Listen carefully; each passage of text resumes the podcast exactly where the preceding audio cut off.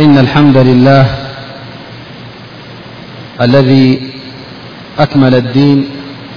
وجعله خاتم الرسالات القائل في كتابه العزيز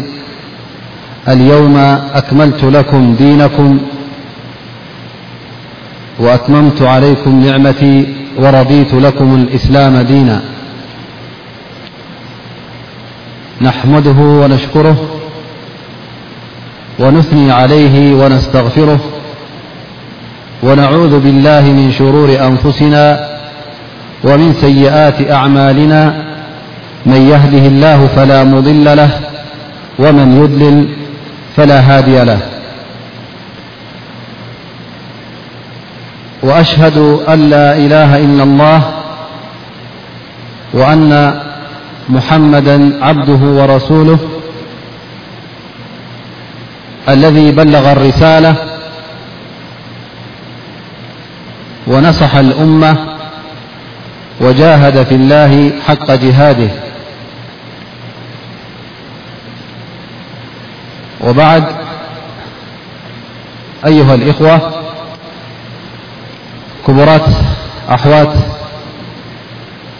السلام عليكم ورحمة الله وبركاته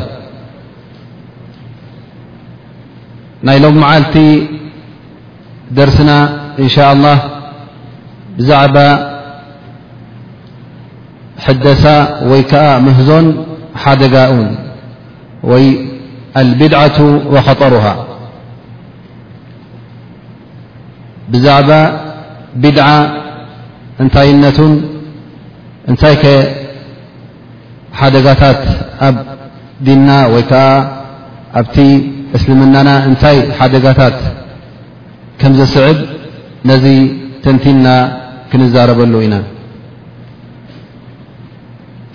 ብቀዳምነት ቢድዓ ንክልፈጦ ኣድላይ ይኸውን ምኽንያቱ ከምቲ ሑዘይፋ እብኒ ልየማን ዝተባህለ ሓደ ካብቶም ኣስሓብ ረሱል ንነቢና ሙሓመድ صለ ላሁ ዓለይ ወሰለም ኩሉ ግዜ ይሓቶም ነይሩ እቲ ናቱ ሕቶ ድማ ፍሉይ ሕቶ እዩ ነይሩ ልክዕ ከምቶም ካልኦት ኣስሓብ ረሱል صለ ላሁ ለ ወሰለም ዝሓትዎ ኣይነበረን እንታይ ይብል እዚ ሰሓቢ እዙ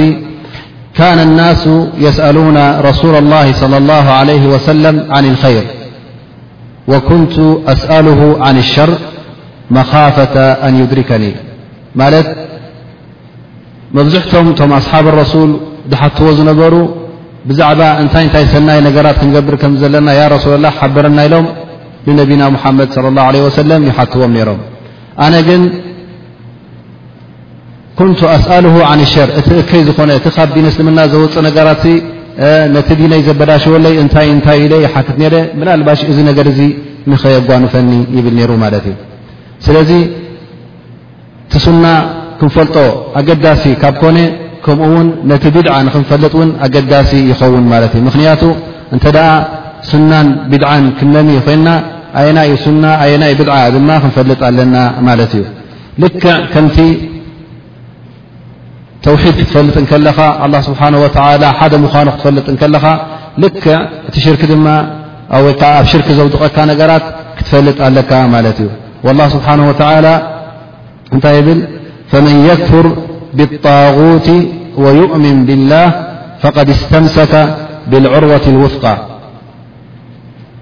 ወዲ ሰብ እንተ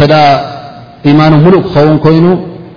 ብኣላ ስብሓን ወተላ ይኣምን ኣብ ርእሲኡ ድማ በቶም ካልኦት ጣዖታት በቶም ካልኦት ኢላህና ወይ ከዓ ኣሊሃ ኣው ፈጠርቲ ኢና ወይ ኣምልኾት ኣለና ዝብሉ ንዕኦም ንኩሎም ክክሕዶም ኣለዎ ብጀካ ንሓደ ኣላ ነቲ ሓደ ኣላ ብኡ ይኣምን ነቶም ካልኦት ውን ናይ ኣምልኾት ክእለት ኣለና ናይ ኣምልኾት መሰል ኣለና ዝብሉ ንዕኦም ክኽሕዶም ወይ ከዓ ክነፅጎም ኣለዎ ማለት እዩ ስለዚ ኩሉ ግዜ እተ ተማም ተውሒድ ተማም ላላ ላ ምሉእ ላላ ላ ሙሉእ ዘይጉዱል ክኸውን እተ ኮይኑ ነቲ ሽርክ ዝተባህለ ንዕኡ ክትነፅግ ኣለካ ኣላ ስብሓን ወተዓላ ድማ ብኣላ ስብሓን ወተዓላ ክትኣምን ኣለካ እታ ላኢላሃ ኢላላ ትብል እውን ንገዛእ ርእሳ ላኢላ ልካ ክትብል ከለኻ ትነፅግ ኣለኻ ማለት እዩ ንዝኾነ ይኹን ዝግዛእ ማዕቡድ ክግዛእ ው ሰብ ንኽግዝኦ ዝሓትት ወይ ከዓ ሰብ ዝግዝእዎ እንተ ኣሎ ኮይኑ ነዚ ሰብ እዚ ወይ ከዓ ነዚ ፍጡር እዚ ትነፅጎ ማለት እዩ ንመን ተትርፍ ኣለኻ ኢላ ላ ኢልካ ድማ ንኣላ ስብሓን ወተላ ታናቱ ኣምልኾት ታናቱ ኢላህነት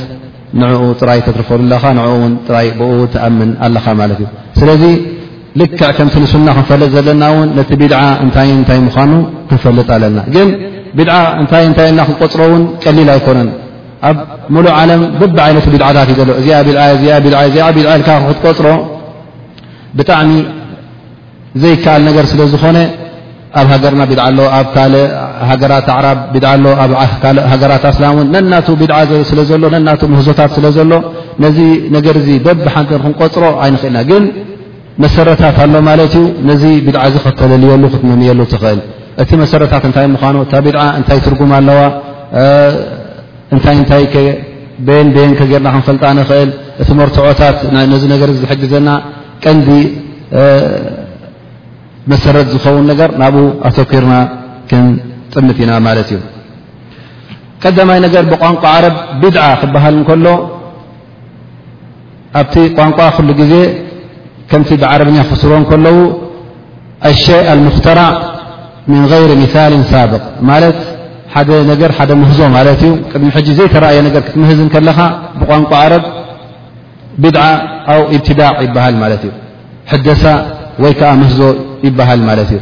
ዝኾነ ይኹን ነገር ናይ ኣዱንያ ይኹን ናይ ዲን ይኹን ሓድሽ ነገር ከተምፅን ከለኻ ሓድሽ ምህዞ ጌርካ ማለት እዩ እዚ ሕጂ በቲ ናይ ቋንቋ ዓረብ ማለት እዩ ኣብ ክታብ ረቢ ክንርኢ ከለና ኣረሱል ስ ላ ለ ሰለም እንታይ ይብል ከምቲ ኣላ ስብሓን ወላ ዝበሎ ቁል ማ ኩንቱ ብድዓ ምን ኣሩሱል ኣነ ንመጀመርያ ግዜ ዝመፅ ዘለዉ ረሱል ኣይኮንኩን ቅድመይ ነብያታትን ርሱልን ልኡኻትን ነሮም እዮም ኣነ ውን ቀዳማይ ኣይኮንኩ ንዓይ ዝመስሉ ውን ነብያታት ነሮም ማለት እዩ ቁል ማ ኩንቱ ቢድዓ ሓድሽ ኣይኮነን መጀመርያ ግዜ ኮነ ኣብ ዓለም ዝረአ ዘሎ ነቢ ወይ ረሱል ቅድመይ ዝነበሩ ነብያታት ነሮም በሎም ኢኻ ነቶም ብኣኻ ዝክሕዱ ዘለዉ ብነቢ ንኣምን ኢና ዝብሉ ዘለዉ ንኦም ኣነ ሓድሽ ነቢ ኮንኩን ሓድሽ ምህዞ ይኮንኩን እንታይ ኣ ቅድመይ እውን ነብያታት ነሮም እዮም ከምኡ ውን ልኡኻት ነሮም እዮም ማለት እዩ ላ ስብሓን ወተላ ንነፍሱ ክገልፅ እንከሎ በዲዕ ሰማዋት ወልኣርድ ይብል በዲዕ ሰማዋት ወኣርድ ክብል እንከሎ ኣይ ኣላ ስብሓን ወተላ ንሰማይን መሬትን ንዕአን ምሂዝወን ማለት እዩ ንዐን ዝመስል ኣይነበረን ሓደሽቲ ገይሩ ንዕኣን እዩ ኸሊቕወን ንዕኣን ምሂዝወን ስለዚ መሃዚ ዝበሃል ኣላ ስብሓን ወተላ እዩ ነቲ ሰማይ ይኹን ንመሬት ኣላ ስብሓን ወተላ ባዕሉ ብኢድወንኑ እዩ ምሂዝዎ ስለዚ ኣብ ቋንቋ ዓረብ ምህዞ ንክበሃል ከሎ ንሰና ይኹን ንእከ ይኹን ሓድሽ ነገር ክትገብር ከለኻ ኩሉ ግዜ እዚ ነገር እዚ ምህዞ ወይ ከዓ ሕደሳ ይበሃል ማለት እዩ እዚ ነገር እዚ እውን ምናልባሽ ብናይ ልባዊ ምህዞ ይኸውን ማለት ናይ ኢማን ብኡ ዝተኣሳሰረ ኸውን ወይ እውን ብግብርኻ ብኣካላትካ እትፍፅሞ ነገር ይኸውን ሓዱሽ ነገር እትፍፅሞ ወይ ከዓ ብመልሓስካ ውን እትነጥቆ ወይ ከዓ ብመልሓስካ እተውፅኦ ቃል ክኸውን ይኽእል ማለት እዩ ስለዚ እታ ቃል ንገዛእ ርእሳ ቢዳ ክትበሃል ካላ ብቋንቋ ዓረብ ብሓፈሽኡ ናይ ኣዱንያ ይኹን ናይ ዲን ይኹን ንኹሉ ዝዓብለለት ትኸውን ማለት እዩ ንዓና ብዝያዳ ዘገድሰና ግን እቲ ሎም መዓልቲ ኣብዚ ብሩኽ ዝኾነ መስጊድ ክንመሃሮ መፂና ዘለና ብዛዕባ ናይ ሸሪዓዊ ቢድዓ ዝበሃል ኣብ ሸርዒ እስልምና ቢድዓ ዝበሃል እንታይ ምዃኑ ቢድዓ ክበሃል ከሎ ምናልባሽ ብዙሕ ግዜ ንሰምዖ ንኸውን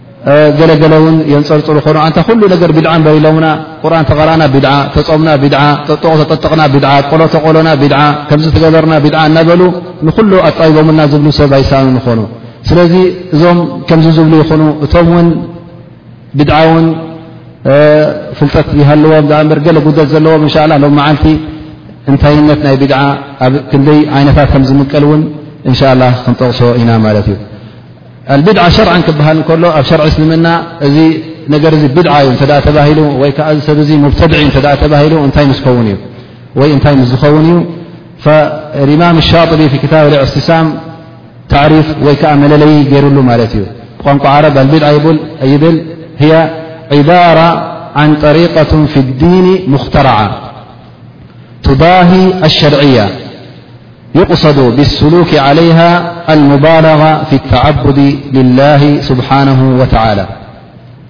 ترم ن مللي عبارة عن طريقة في الدين مخترعة ب دين اسلمنا حد من جد تفطر مالت ي ح من جد كتنهز ግን እዚ ነገር እዚ ድማ ኣብ ናይ ዲን እዩ ኢልካ ክትብል ከለኻ ማለት እዩ ናይ ኣዱንያ እተ ኮይኑ ናይ ገዛ ምስራሕ ናይ ስናዓ ናይ ዝራዓ እተ ኮይኑ ናይ ማሕረስ ናይ ገለ እዚ ኩሉ ወፅእ ኣሎ ማለት እዩ እንታይ ደኣ ምህዞ ኣብ ናይ ዲን እተ ኣምፅካ ማለት እዩ ቱባሂ ሸርዕያ ነታ ናይ ብሸርዒ ዝመፀት ኣብ ክታብ ረቢ ዝመፀት ኣብ ክታብ ሱና ዝመፀት ንዓኣ ተመሳስል ግን ልክዕ ከምኣ ኣይኮነትን ግን ንዓኣ እያ ተመሳስል ምኽንያቱ ኣብ ዲን ትኣቱ ስለ ዘላ ማለት እዩ ይቕሰዱ ብስሉክ ብሃ ነዛ ነገር እዚኣ ድማ ክትሕዛ ከለኻ ብኣ ገርካ ክትከይድ ከለኻ እንታይ ይኸውን ማለት እዩ ትንያናካ እንታይ እዩ ኣልሙባላغ ፊ ተዓቡድ ንኣላ ስብሓን ወላ ብዝያዳ ክትግዝኦ ኢልካ ንያ ክትገብር ከለኻ ኣጅር ኣለዎ እዚ ነገር ዚ ክትብል ከለኻ ኣብዚ ሰዓት እዚ እንታይ ትኸውን ማለት እዩ እዚ እቲ ቢድዓ ዝበሃል እበር ዝኾነ ነገር ቢድዓ ክትብሎ ኣይትኽእልን ኢኻ ናይ ኣዱንያ ነገር እተ ኮይኑ ቢድዓ እዩ እዚ ሓራም እዩ ክትብሎ ኣይትኽእልን ኢኻ እቲ ቢድዓ ዝበሃል ኣብ ናይ ዲን ሓድሽ ምህዞ እተ ኣእቲኻ እዚ ድማ ምስቲ ናይ ሸሪዓ ምስኡ መሳሰል ጌርካ ምፅእካ ኣጅር ኣለዎ በረካ ኣለዎ ኢልካ ተቕርቦ እተ ኣልካ ኮይንካ እቲ ንያናካ ድማ ናብ ኣላ ስብሓን ወላ ዝያዳ ከቕርበኒ ይኽእል እዩ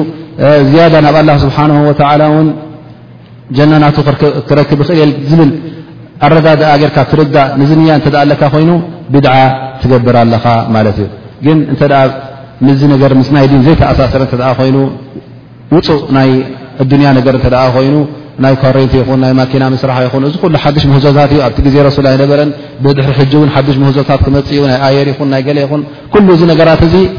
ብድዓ ኣይበሃልን እዩ እንታይ ደኣ ናይ ኣዱንያ ነገር ስለ ዝኾነ ረሱ ስ ሰለ ኣንቱም ኣዕለሙ ብእሙር ድንያኩም ስለ ዝበለ ነዚ ነገር እዚ እውን ፍኑ ስለ ዝገደፎ ብድዓ ክንብሎ ኣይንኽእልን ኢና ማለት እዩ እዚ ሕጂ እታ ቀንዲ መለለይት ናይ ብድዓ ትኸውን ማለት እዩ እዚ ብድሕሪ ሕጂ ዝመፅእ ዘረባና ኩሉ ድማ ነዛ ነገር እዚኣ ብዝያዳ ዝትንትናን ብዝያዳ ዝዝርዝራን ይኸውን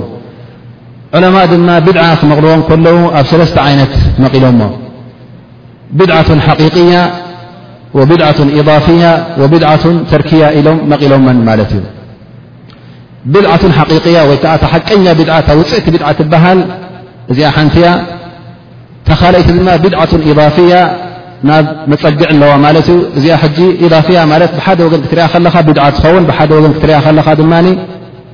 ደሊል ወይ ከዓ መርትዖታት ትረኽበላ ማለት እዩ እታ ሳልሰይቲ ቢድዓትን ተርክያ ዝበሃል ድማ ኣረሱል ስ ሰለም ዘይገበሮ ነገር ኣረሱል ስ ሰለም ዝገድፎ ነገር ንዕኡ ክትገብር ከለኻ ነቲ ጉድፍ ነገር ዘይተገበረ ነገር ንኡ ክትገብር ከለኻ እዚ ድማ ቢድዓትን ተርክያ ይበሃል ሕጂ ነዘን ሰለስተ ድማ ብዝያዳን ኣብነትን ብምስላን እናገበርናን ክንጠቕሰን ኢና ማለት እዩ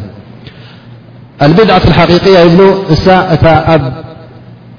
ዲን እስልምና ዝኾነ ይኹን ደሊል ወይ ከዓ ዝኾነ ይኹን መርትዖ ኣብ ክታብ ይኹን ኣብ ሱና ነቢ ይኹን ወላ ኣብ እጅማዕ ይኹን ኣብቲ ቆል ናይ ሰሓበት ረሱል ስ ሰለም ይኹን ኣብ ኩሉ ምንም መርትዖ ወይ ከዓ ምንም መፀግዒ ዘይብላ ክትከውን ከላ እዚኣ ሕጂ ውፅእቲ ብድዓ ትኸውን እዛ ድማ እታ ዝዓበየት ዘንቢ እተምፅእ ማለት እዩ እዚኣ ሓድሽ ነገር ኣብ እስልምና ወላ ንእሽተ ጩራ ዘይትረኽበሉ መርትዖ ኣምፃ ኣቢልካ ኮፍ ከተብለን ከለኻ እዚ ሕጂ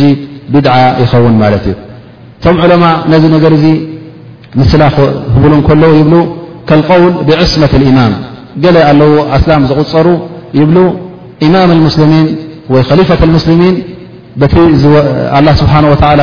ዝመረፆን በቲ ኣላ ስብሓ ወላ ትምህርቲ ዝሃቦንሲ እቲ መሪሕነት ዝሓዘ ማዕሱም እዩ ኣይጋገን እዩ ዝብል እምነት ኣምፅኦም ማለት እዩ እዚ ሕጂ እቶም ሺዓ ዝብልዎ እዩ ኢማም እንተ በፂሑ ካብቶም ኣእማ ተባሂሉ ኣየትላ ንድሕር ተባሂሉ ኣብቲ ናቶም እዕትቃዳዊ ከኣ እቲ ናቶም እምነት እዚ ሰብ እዚ እንታይ ይብሉ ማዕሱም ዓን ልከጣእ ዝገበረ እንተገበረ ኣይጋገን እዩ ልክዕ ከምቶም ነብያታት እዩ ዝቁፀር ገሊኦም እውን ኣለዉ ካብ ነቢ ዝያዳ እዩ ዝብል እዚ ሕጂ ውፁእ ቢድዓ እዩ ዝተሰሚዑ ዘይፈልጥ ኣብ ቁርን ይኹን ኣብ ሱና ይኹን ኣብ ዝኾነ ይኹን ናይ እስልምና መርትዖ መርገፂ ዘይብሉ ውፁእ ቢድዓ ክበሃል እንከሎ እዚ ሕጂ እቲ ዝዓበየ ዘንቢ ዘለዎ እቲ ዝዓበየ ከኣ ካብ እስልምና እውን ክውፅኣካ ዝኽእል ብዓብኡ ይኸውን ማለት እዩ ከምኡ ውን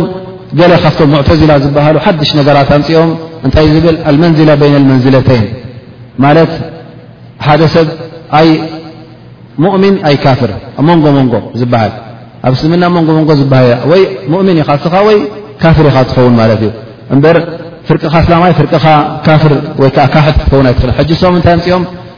እንታይ ዝብል እዚ ሰብ እዚ እተ ዘንብታት ኣለዎ ኮይኑ ከቢራ ዝገብር እተ ኮይኑ እዚ ሰብ እዚ ሕጂ መንጎ መንጎ እዩ ኣይ ኣስላማይ ኣይ ካፍር እዚ ሕጂ ኣብ እስልምና ዘየለ መርትዖ ዘይብሉ ብሓንጎሎም ዝመሃዝዎ ይኸውን ኢሎም ሓሲቦም ሓሲቦም ዘምፅዎ እዩ እዚ ሕጂ ካብቲ ቢድዓታት ይቁፀር ማለት እዩ ስለዚ እቲ ሰናይ ምዃኑን እቲ እከይ ምዃኑን ኣበይ ተመርኪሶም ማለት እዩ ኣብ ኣእምሮኦም ወይ ከዓ ኣብ ሓንጎሎም እዚ መብዝሕትኡ ኣብቲ ናይ ዓቂዳ ይኹን ኣብቲ ዝዓበየ ጌጋታት ዝርከበሉ ቦታታት ኣብኡ ተረኺቡ እዩ ማለት እዩ እዚ ድማ እቶም ዑለማ እቲ ዝዓበየ ዘንብን ዝበእሰ ዘንብን ዘምፅእ እዚ ዓይነት እዚ ቢድዓ ኣቢድዓ ሓቂቅያ ወይከዓ ውፁእ ቢድዓ ሓቀኛ ቢድዓ ዝበሃል ማለት እዩ እዚ እቲ ሓደ ዓይነት እዩ እቲ ካልኣይ ድማ ኣልብድዓ ኣልኢضፍያ እዚኣ ሕጂ ኣልብድዓ ኢضፍያ ክብሉ ከለዉ ነዚ ነገር እዚ ብሓደ ወገን ሓፈሻዊ መርትዖ ወይ ደሊል ትረኽበሉ ብቐንዱ ሓፈሻዊ ደሊል ኣለዎ ወይ ከዓ መርትዖ ኣለዎ ግን ብሓደ ወገን ክትሪኦም ከለኻ ድማ በቲ ናይ ኣገባብ ናቱ ወይ ከዓ በቲ ውሱን ኣሰራርሓ ናቱ ወይ ከዓ በቲ ግዝያት ናቱ ወይ ከዓ ብካልእ ትንተናታት ናቱ ደሊል ኣይትረክበሉን ኢኻ ማለት እዩ እዚ ነገራት እዚ እውን ኩሉ ደሊል የድልዮ ኣላ ስብሓን ወተላ ነቢና ሙሓመድ ለ ላ ለ ወሰለም ነቲ ሸርዒ ከብርህላ ከለዉ እንታይ እንታይ ክንገብር ከም ዘለና መዓስ መዓስ እውን ኣበይናይ ግዜ ክንገብሮ ከም ዘለና ክንደይ ሓንሳእ ክልተሻዕ ሰለስተሻዕ ቁፅሩ ተነጊርና ኢና ኩሉ ተሓቢርና ኢና ዝጎደለ ነገር የለን ስለዚ ነዚ ነገር እዚ እውን መርትዖ ክርከቡ ኣድላይ እዩ እዚ ድማ መብዝሕቲ ግዜ እቲ ቢድዓታት ዝበሃል ኣብዚ ዓይነት ቢድዓ ቢድዓ ኢባፍያ ዝበሃል ኣብዚ እዩ ዝወድቕ ማለት እዩ ነዚ ድማ ብዙሕ ምስላታት የምፅሉ ዕለማ ሓደ ካብቲ ምስላት ሰባት ኣረጋይብ ትበሃል ኣላ ማለት እዩ ሰላት ረቃኢብ ትበሃል ኣብ ገለገለ ሃገራት ዝውትርቲ እያ እሳ ድማ እንታይ እያ ኣብ ዓመት ኣብ ሻሃር ረጀብ ለይለት ጅምዓ ክኸውን ከሎ እንታይ ይብሉ ዓሰርተ ክልተ ረክዓ ዝስገዳ ኣለዋ ዓሰርተ ክልተ ረክዓ ይስገዳ ስለዚ ኣብዛ መዓልቲ እንተ ሰጊድካ ከምዝ ከምዝን ኣጅር ኣለዎ ከ ከምዝ መቕፊራ ኣለዎ ከ ከምዝ ዝብል ሓድሽ ቢድዓ ዘምፅዎ ኣለዉ ማለት እዩ እዚ ነገር እዚ ሕጂ እንተ ብክልተ ኣረኣያ ክንሪኦ ኮይና እታ ሰላት ንገዛእ ርእሳ ሰላት ሌል ክትሰግድ ሰላት ውን ንገዛእ ርእሱ ኣብቲ ኩልኩል ግዜታት ዘይኮነ ኣብ ዝኾነ ግዜ ንክትሰግዶ ኣላ ስብሓን ወተላ ኣዚዝዎ እዩ ወረሱል صለ ላ ለ ወሰለም የቁል ኣሰላቱ ኸይሩ መውضዕ ማለት ሰላት ንክትሰግድ እቲ ብሉፅ ስራሓት እዩ ስለዚ በዚ ሓደ ወግን ክትርያ ከለካ እታ ሰላት ንገዛእ ርእሳ መርትዖ ኣለዋ ወዲ ሰብ ክሰግድ ኣለዎ ናብ ኣላ ስብሓን ወተላ ክቅረብ ሊላ ኢሉ ክሰግድ እዚ ሕጂ መርትዖ ኣለዎ ማለት እዩ በዚ ሓደ ወግን ተጣሪኻያ መርትዖ ኣለዋ ማለት እዩ ግን ዓሰርተ ክተረክ ክትሰግድሲ ካበይ ኣምፅእካዮ እዚ መርትዖ የድልዮ ኣሎ ማለት እዩ ሌለት ልጅምዓ ምዃናኸ እንታይ ምስክርነት ኣለካ እንታይ መርትዖ ኣለካ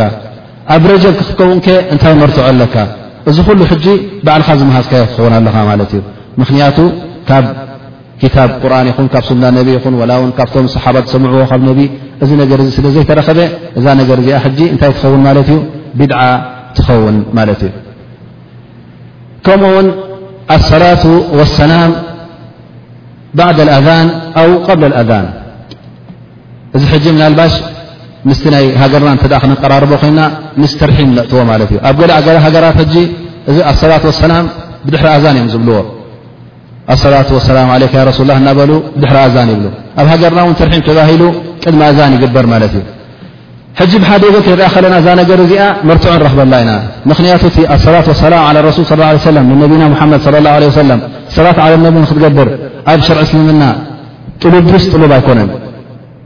ጥሉብ እዩ ኣብ ሸርዒ እስልምና ኣጅር ኣለዎ መን ሰላ ዓለያ ሰላተ ሰለ ላ ብሃ ዓሽራ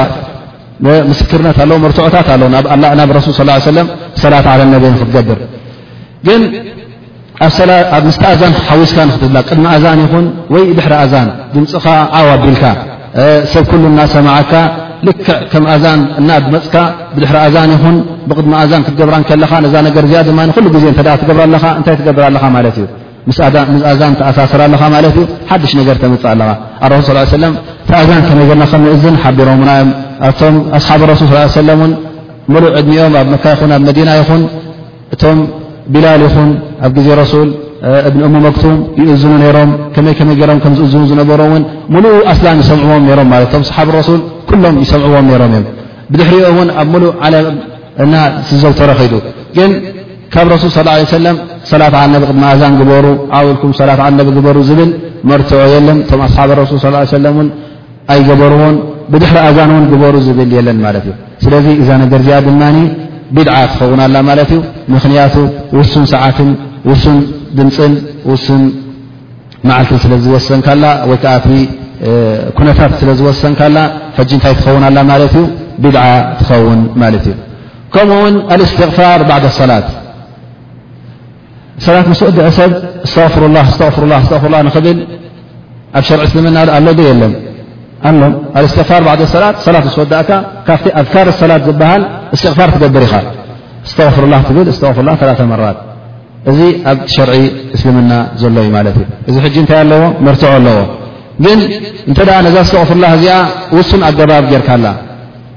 ንኣብነት ኩሉና ብሓንሳእ ኣስተغፍሩላ ንበልና ብሓንሳእ ንብል ተ ኮና ብሓደ ንጅምር ብሓደ ንውድእ ሕጂ እንታይ ንገብር ኣለና ማለት እ ኣገባብ ምህዝናላ ኣለና ማለት እዩ እዚ ምህዞ እዚ ምስክርነት ወይ መርትዖ ኣለና ድ ነዚ ምህዞ እዚስ የብልናን እንተ ደኣ መርትዖ ኣለካ ኮይኑ ሱና ክትከውን እያ ማለት እዩ መርትዖ እንተ ኣ ዘይብልካ ኮይኑ ምህዞ ትኸውን ኣላ ወይ ከዓ ቢድዓ ትኸውን ኣላ ማለት እዩ ካብቲ ነቢና ዝወሰኑልና እታ ኣገባብ ናይታ እስትቕፋር ድማ ካብኣ ስሒትና ንወፅእ ኣለና ማለት እዩ ስለዚ እዛ ነገር እዚኣ ሓድሽ ኣገባብ ስለ ዝገበርናላ ድማ ቢድዓ ትኸውን ኣላ ማለት እዩ መዓኑ በቲ ሓደ ወገን ሸርዒ እያ ድሕሪ ሰላት እስትቕፋር ክትገብር ኣብ ሸርዒ እስልምና ዘሎ እዩ መርትዖ ዘለዎ ግን ትገባብ ንዓኣ የበላሽዋ ኣሎ ማለት እዩ ከምኡ ውን ተክሲስ ዮም ስያም ኣሎ ንኣብነት ስያም ኣንስፍ ምን ሻዕባን ዝብል ኣንስፍ ምን ሻዕባን ሕጂ እንተ ብሓደ ወገንቲ ስያም ርኢናዮ ኩሉ ግዜ ንክትፀውም ከምቲ ስያም ዳውድ ጌርካ ሓንቲ መዓልቲ ክትፀውም ሓንቲ መዓልቲ ከተፍጥር ወይ ስያም ኣያም ኣልቢድ ዝተባህል ኣለዋ ዕለት 11415 ክትፀውም ወርሓዊ ፍትውዩ ንገዛእ ርእሱ ብዝኾነ መዓልቲ ደስ ዝበለካ መዓልቲ ኣብቲ ዮም ልዒድ ኣይኹን ዳኣ እምበር ኣብ ዝኾነ መዓልቲ እተ ትፀውም ደኻ ሊላ ኢልካ እተ ትፀውም ኮንካ ኣጅር ለካ ማለት እዩ ግን ነዚ ነገር እዚ እተ ውሱን መዓልቲ ጌርካሉ ንኣብነት ኣላ ስያ ንስፍ ን ሻዕባን እብልኻ እንተ ብሓደ ወገን ክንሪኣ ኮይና ዕለት 15 ንስፍ ን ሻዕባን ኣብ ዝኾነ ወርሒ ንክትፀሞ ሸሪዓ ዩ ካብ ሸርዒ ዝወፀ ኣይኮነን ግን እንተ ነዛ መዓልቲ እዚኣ ውስንቲ ጌርካያ ዕለት 15 ናይ ሻዕባን ንስፍ ን ሻዕባን ንበይና ኣጅሪ ኣለዋ ኢልካ ትጸውማ እንተ ኣለኻ ኮይንካ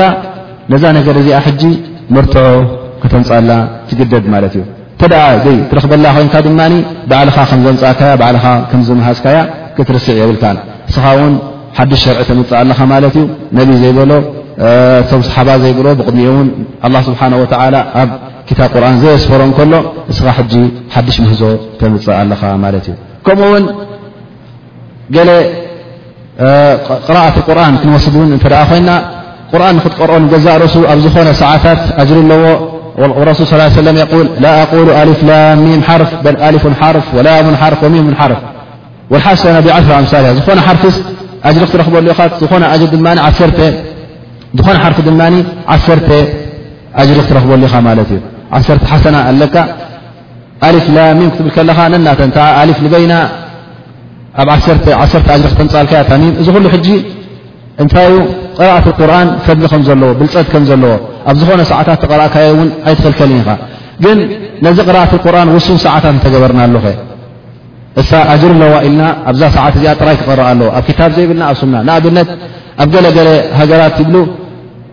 ጀናዛ ክትከይድ ከላ ናይ ግድን ሓደ ቁርን እናቀረአ ይኸይድ ወይ ከዓ ክተሰለስተ ኮይኖም ቁርን እናቀርኡ ይመርሕዋ ማለት እዩ ኣብ ገለገለ ድማ ቀብሪ እናተቀበረ ከሎ ቁርን ነቕራእ ዝብሉ ኣለዉ ተኣኪብካ ቁርን ትቀርእ እታ ቀብሪ እናተቀበረ ወይ ከዓ ብድሕሪ ቀብሪ ዝኸውን ኩሉ ነገራት እዚታት እተ ክንሪኦ እተ ኮይና ኣገባብ ንወስነሉ ኣለና ማለት እዩ ኣብ ግዜ ቀብሪ ኣብ ግዜ ቅድሚ ሞት ኣብ ዜ ምቕባር ኣብ ግዜ ከምዚ ኢልና ሰዓታት ንውስነሉ ኣለና ኣገባብ ውን ንምሕዘሉ ኣለና ማለት እዩ ንገዛእ ርእሱ እቲ ቅርኣ ናይ ቁርን ምቕራእ ኣጅሪ ኣለዎ ኣላ ስብሓን ወተላ እውን ይፈትዎ እዩ ንክንቀርእ እውን ብሉፅ ምዃኑ ኣላ ስብሓን ወተላ ነቢና ሙሓመድ ለ ላ ለ ወሰለም ሓቢሮምና እዮም ግን እዚ ገባብ እዚኸ ካበይ ኣምፅእናዮ ካብ ክታብ ዲን ኣምፅእናዮስ ወይ ካብ ሱና ካብ ሓደአን እንተኮይኑ ሱና ክኸውን እዩ ግን እንተ ዘየለ ኮይኑ የለን ማለት እዩ ስለዚ ኣብዚ ሕጂ ብዙሕ ምስሕሓብ ይርከብ ማለት እዩ ሓደ ሰብ እንተ ቢድዓ ትገብሩ ኣለኹም ኢልዎም ንገለ ቁርን ቀሩ ፀኒሖሞ ብዘይከውን ኣገባብ ወይ ከዓ እስትቕፋር ገብሩ ፀኒሖም ወይ ታህሊል ገብሩ ፀኒሖም ወይ ተክቢር ብዘይ እቲ ኣገባብ እቲ ኣላ ስብሓን ወላ ዝወሰኑ ኣገባብ ብዘይቲ ነቢና ሙሓመድ ስ ሰለም ዝወሰኑ ኣገባብ ካብኡ ወፂኦም ብሓድሽ ኣገባብ ምሂዞም ክገብሩ ከለዉ ኣይትግበሩ ክገብሩ ከለዉ ኣብዚ ሕጂ ምስሕሓብ ይርከብ እንታይ ይብል ፍላን ከምዚ ከም ዝኣመሰለስ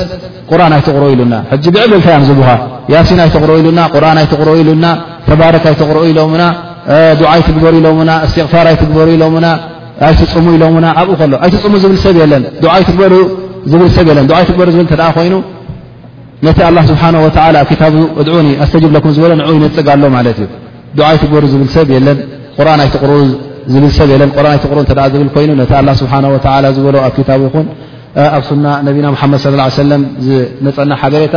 ንዕኡ ይነፅግ ኣሎ ማለት እዩ ስለዚ ንመፀለሚ ወይ ከዓ ካብ ዘይምርዳእ ዝተበገሰ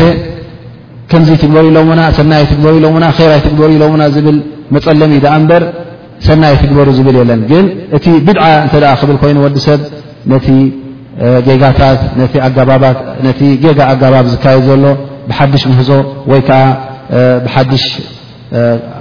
ኩነታት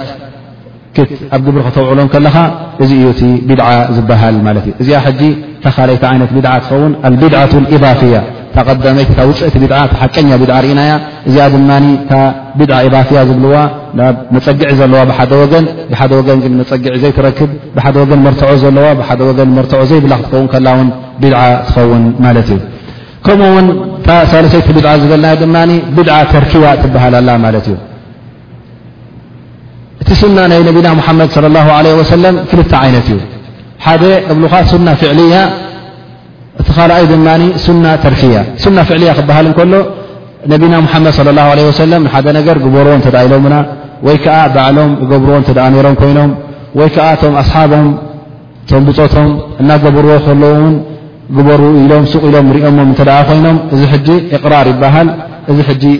ልክዕ ከም ሱና ይውሰድ ማለት እዩ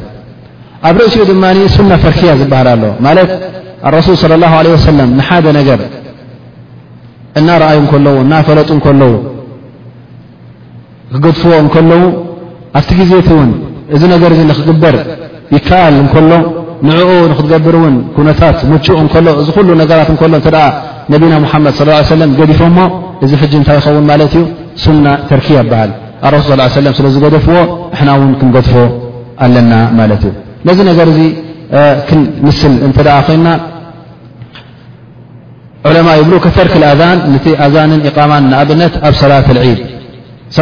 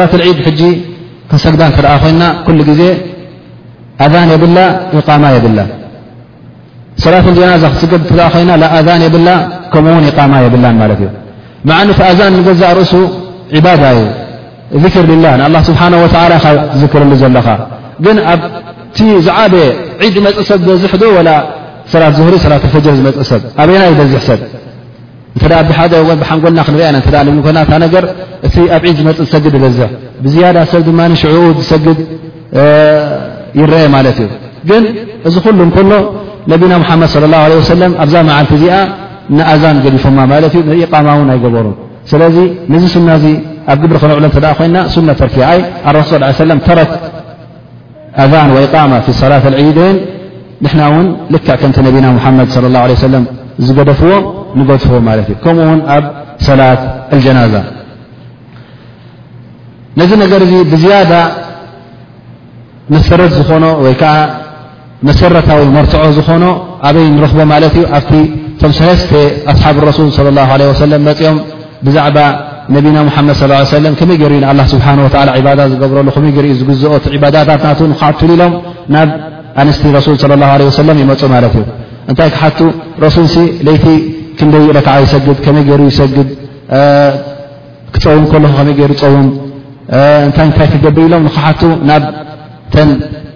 እሙሃት ሙእምኒን ናብአን ይመፁ ማለት እዩ መፂኦም ይሓትወን እሰን ድማ ልክዕ ከምቲ ነቢና ሙሓመድ ለ ላ ለ ወሰለም ዝገብሮ ልክዕ ይነብርዎም ማለት እዩ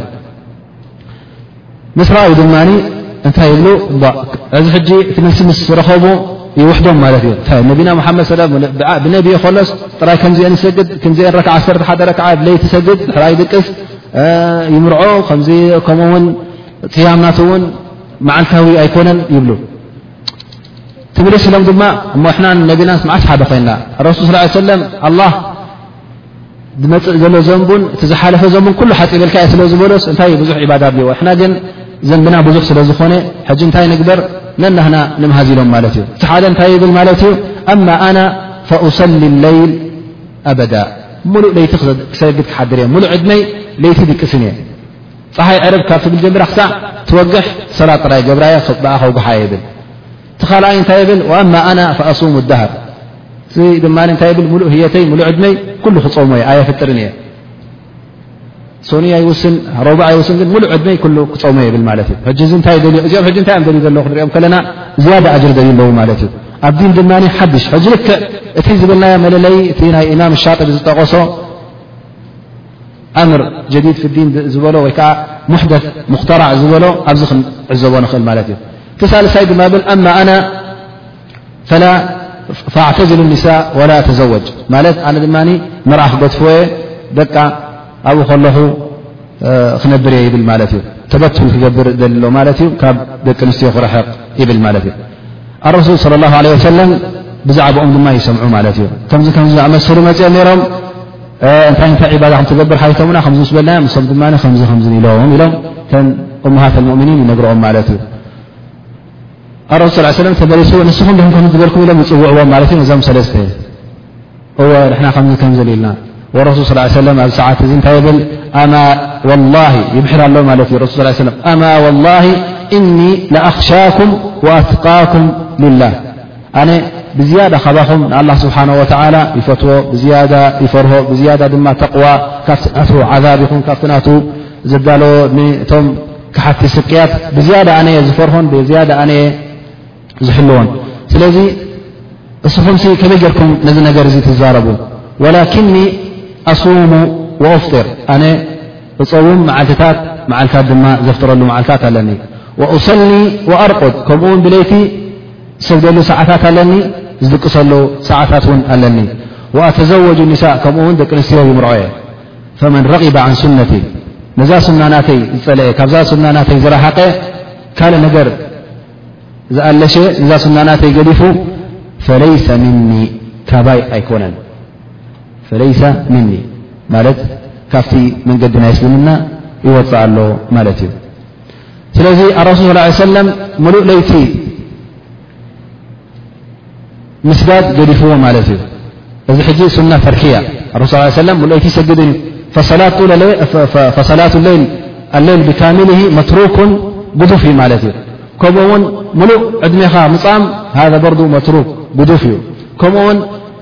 ካብ ደቂ ኣንስትዮ ኣይምርዖን እየ ኢልካ ንሊላህ ኢልካ ክትገድፎ እዚ እውን ኣላ ስብሓ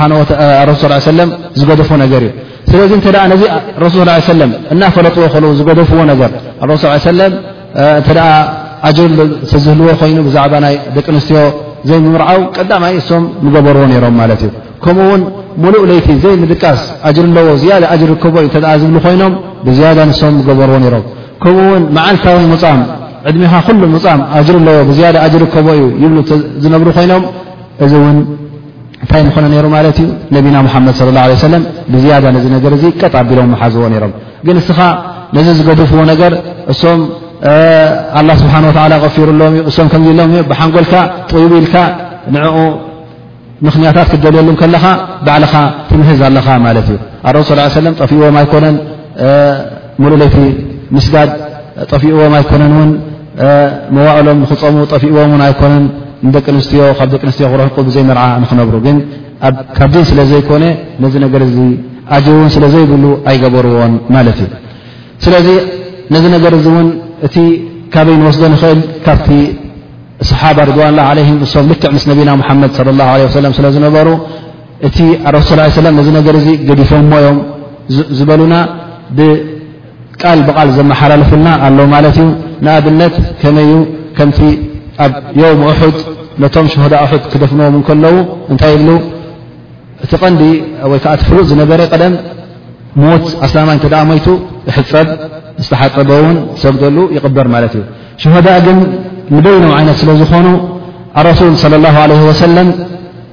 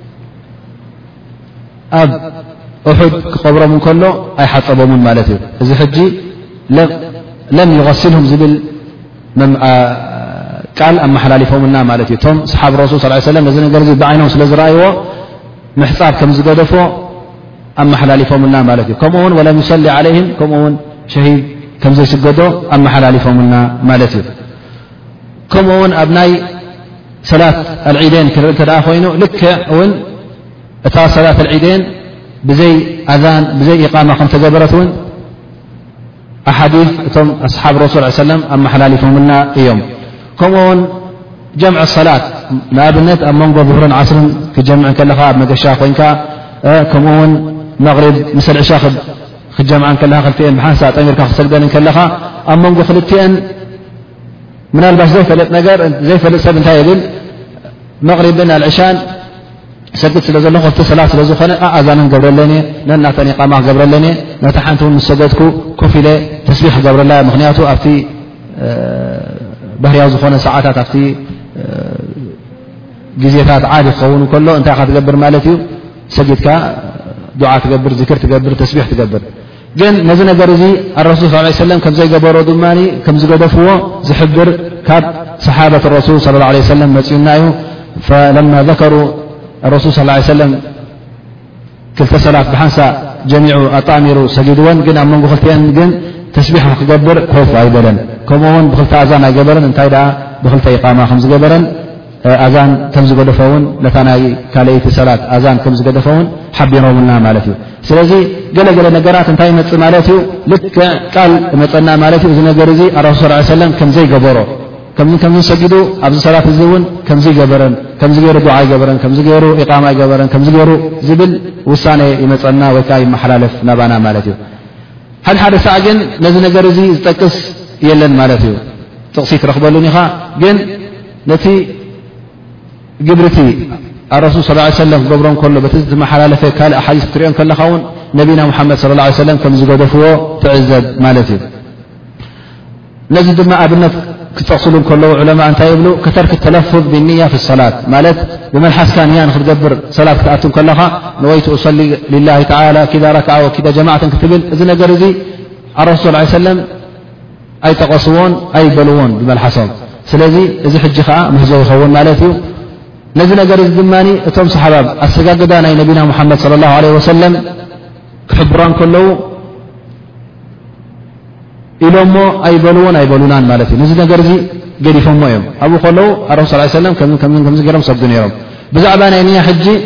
ንያ ብመልሓሱ ንያ ኣይገበረን ንያ ገይሩ ትብል የላን ማለት እዩ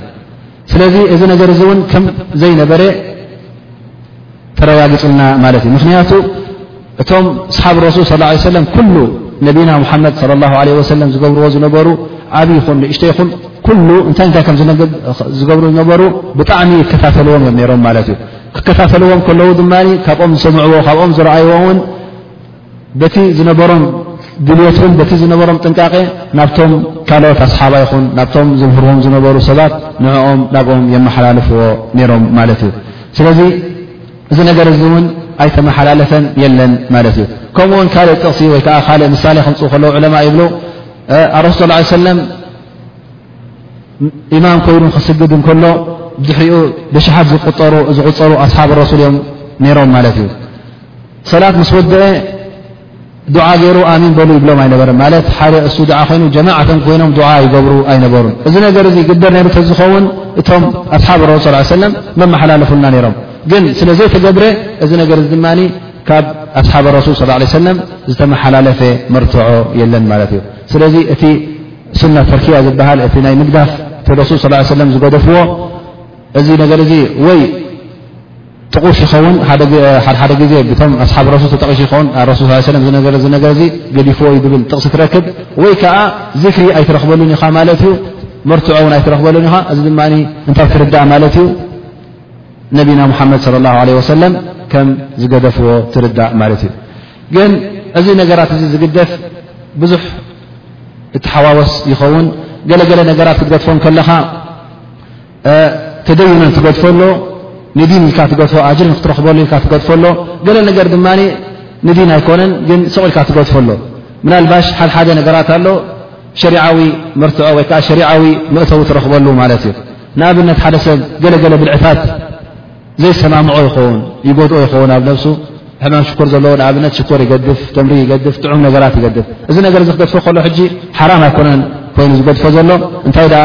ኣብ ኣካላቱ ይጎድኦ ስለ ዝኾነ ነዚ ነገር እዚ ክገድፎም እተ ኮይኑ ሕጂ ቢድዓ ትገብር ኣለኻ ንብሎ ኢና ምክንያቱ እዚ ሕጂ ኣምር ሙዕተበር ሸርዐን እቲ ጥዕና ናይ ወዲ ሰብ ንክሕሎ ኣብቲ እስልምና ኣድላይ ስለ ዝኾነ ነዚ ጥዕንኡ ንክሕሎ እውን ናይ ግድን ስለ ዝኾነ እዚ ድማ ንክገድፎ ሸሪዓዊ ይኸውን ማለት እዩ ስለዚ ቢድዓ ገይሩ ክንብሎ ኣይንኽእለይና ማለት እዩ ወይ ከዓ ሓድሓደ ብድዒ እውን ንእምሮኻ ዝጓዳእ ይኸውን ወይ እውን ኣብ ዲንካ ውን ዝጓዳእካ ይኸውን ንኣብነት ገለገለ ብልዒ እተ በሊዕካ ደቂስካ ድቃስ ዝከብደካ ይኸውን ኣስሑ ዘይተረክብ እተ ኮንካ ነዚ ነገር ነዚ ብልዒ እ ገዲፍካዮ ነቲ ዲንካ ንክትሕሉ ነታ ሰላት ንክተረክብ እተ ገዲፍካያ ቢድዓ ገርካ ኣይትበሃልን ኢኻ ምክንያቱ እንታይ ክትገብር ዘለካ ማለት እዩ ቀንዲ ነታብዕ ይኮንካን ዒባዳ ጌርካ ትወስዳ ዘለኻ ንዓኣ ንምግዳፍ ግን ኣብቲ ናይ ዲን ሙግዳእ ነቲ ሰላት ከተሕልፈልካ ስለ ዝኾነት ንዓኣ ትገድፋ ኣለኻ ነታ ሰላት ንምርካብ ስለ ዝኾነ ማለት እዩ ከምኡ እውን ሓድሓደ ነገር ኣሎ ዝግደፍ ተርክ ልሙተሻብህ ኣጠራጣሪ ዝኾነ ነገር ሓደ ሓደ ዓይነት ብልዕታት ኣሎ ንኣብነት ካብ ወፃኢ ዝመፅእ ብልዒ ከም በዓል ፋርማጆ ጅብና ዝኣመሰለ እተ ክንርኢ ኮይና ሓደ ሓደ ግዜ እዚ ጅብና እዚ ወይከዓ እዚ ፋርማጆ እዚ እብልካ ከምዝን ከምዝ የእትውሉ እዮም ከም ዝኣመሰለ ስብሒ ናይ ሓሰማ ኣለዎ ገለ ክብካ ከለዉ ነዚ ነገር እዚ ሕጂ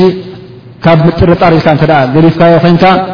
እስኻ ትፈልጥ ኣለኻ ባርማጆ ንገዛእ ርእሱ ወይ ጅምላ ንገዛእ ርእሱ ምብላዕ ካብ ፀባ ስለ ዝኾነ ሓራም ኣይኮነን ግን ኣጠራጣሪ ነገር ስለ ዘለዎ ነታ ዲነይ ክሕሉ ኢልካ ትገድፎ እንተ ኣለካ ኮይንካ እዚ ድማ ምንም ሽግር የብሉን ማለት እዩ ግን ንሓደ ነገር ተደዩነን ኢልካ ኣጅሪ ኣለዎ ኢልካ ትገድፎ እንተ ኮይንካ እዚ እዩ ሕጂ እቲ ጠንቂ ዘምፅእ ማለት እዩ ንኣብነት ስብሒ ይበልዕን እየ ትብል ኮንካ ስብሒ ዘይምብልዑ ድማ ኣጅር ኣለዎ ትብል ትኣምን እተ ኮንካ እዚ ሕጂ እንታይ ትገብር ኣለኻ ማለት እዩ ሓድሽ ምህዞ ተምፅእ ኣለኻ ማለት እዩ ገለገለ ኣብ ዓድና እውን ኣሎ ኣብ ሓሓደ ማይ ቤት ወይ ከዓ ሓሓደ ቤተሰብ ቀቢላታት ሓሓደ ናይ ምብላዕ ነገር ዝኽልከልዎ ኣለዎ ገሊኦም መልሓስ ዘይበልዑ ኣለዉ ገሊኦም ጭራ ዘይበልዑ ኣለዉ ገሊኦም ድማ ልቢ ዘይበልዕ ገለ ከብዲ ዘይበልዕ ኣብቲ ሓደ ማይ ቤት ትርኢ እዚ ሕና ስድራና ስድራ ቤትና ኣይቀርብዎን እዮም እንታይ እዩ ትብሎም ልክዕ ከም ሓራም ዝወስድዎ ኣለዉ እዚ ሕጂ እተ ከም ሓራም ዝወስድ ኮይኑ እዚ እምነት እተ ኣብ ልቡ ሓዲሩ እንታይ ይኸውን ማለት እዩ እዚ ሕጂ ማዕስያ ገብር ኣሎ ማለት እዩ እንተ ነዚ ነገር እ ድን ልክ ኣጅር ኣለዎ ዝብል ይኣምን እተ ኮይኑ ነዚ ምግዳፈይ እዚ ጭራ ዘይምብልዐ ወይከዓ መልሓስ ዘይምብልዐ ወይ ከብዲ ዘይምብልዐ ወይ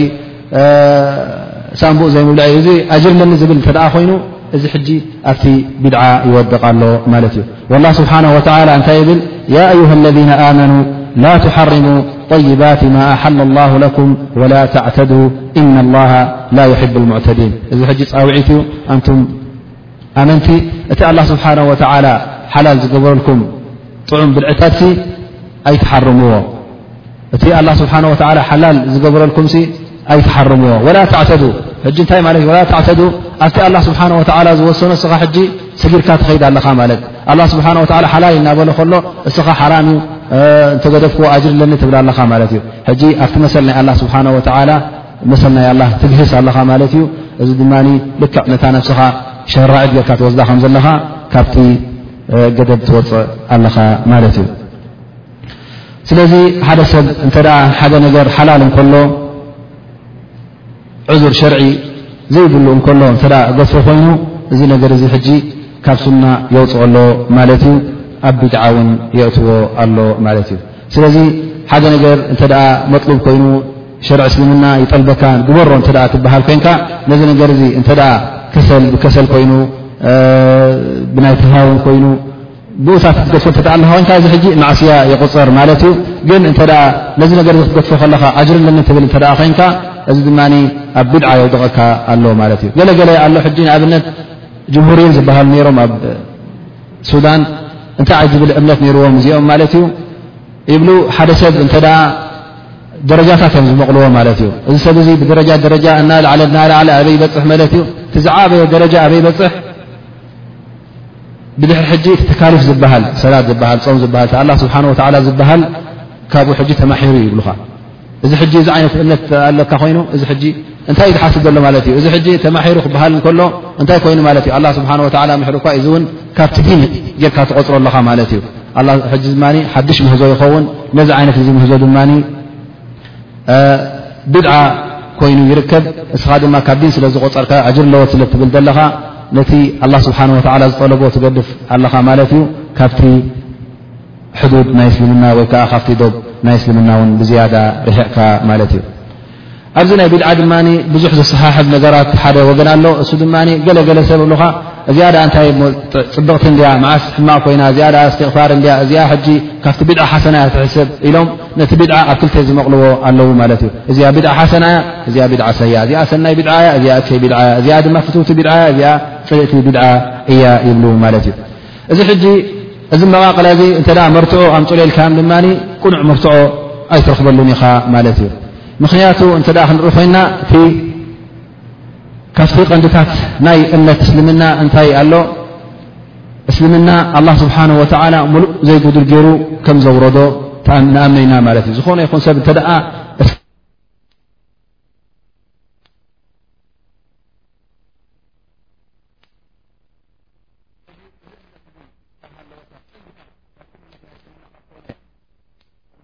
ኣላ ስብሓን ወተላ ነዚ እስልምና እዚ ከውርዶ እንከሎ ሙሉእ ዘይጉዱል ከም ዘውረዶ ክትኣምን ኣለካ እንተ ኮይኑስ ከመይ ጌርካ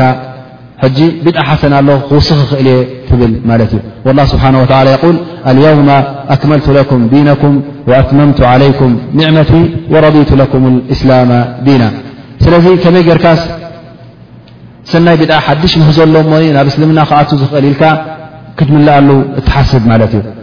እዚ ሕጂ ነቲ ትብሎ ዘለኻ ቢድዓ ሓሰና ትብሎ ዘለኻ ንዕኡ ይነፅጎ ኣሎ ማለት እዩ ከምኡ ውን ነቢና ሙሓመድ ለ ላ ለ ወሰለም ኣላ መሪፁ ይሰይድዎ እዚ ነቢ እዚ እውን ሙሉእ ዘይጉዱል ሙሉእ ዕልሚ ሂብዎ ሙሉእ ክእለት ሂብዎ ነቲ ዝተዋህቦ ውሓይ እውን ንዓና ንኸረዳእናን ንኽሕብረላን ክእለትን ትንተናን ብኣላ ስብሓን ወተዓላ ክእለት ተዋሂቡ ማለት እዩ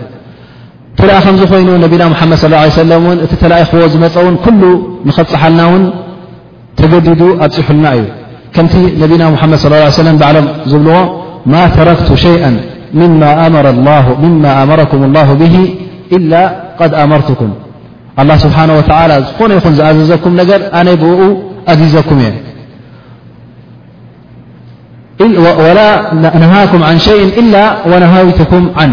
ከምኡ ውን ኣላ ስብሓን ወላ ዝኾነ ይን እተ ከልኪልኩም ኣነ ውን ካብዚ ነገር እዚ ኸልኪለኩም እየ ይብሉ ማለት እዩ ነቢና ሓመድ ስ ሰለም ሕጂ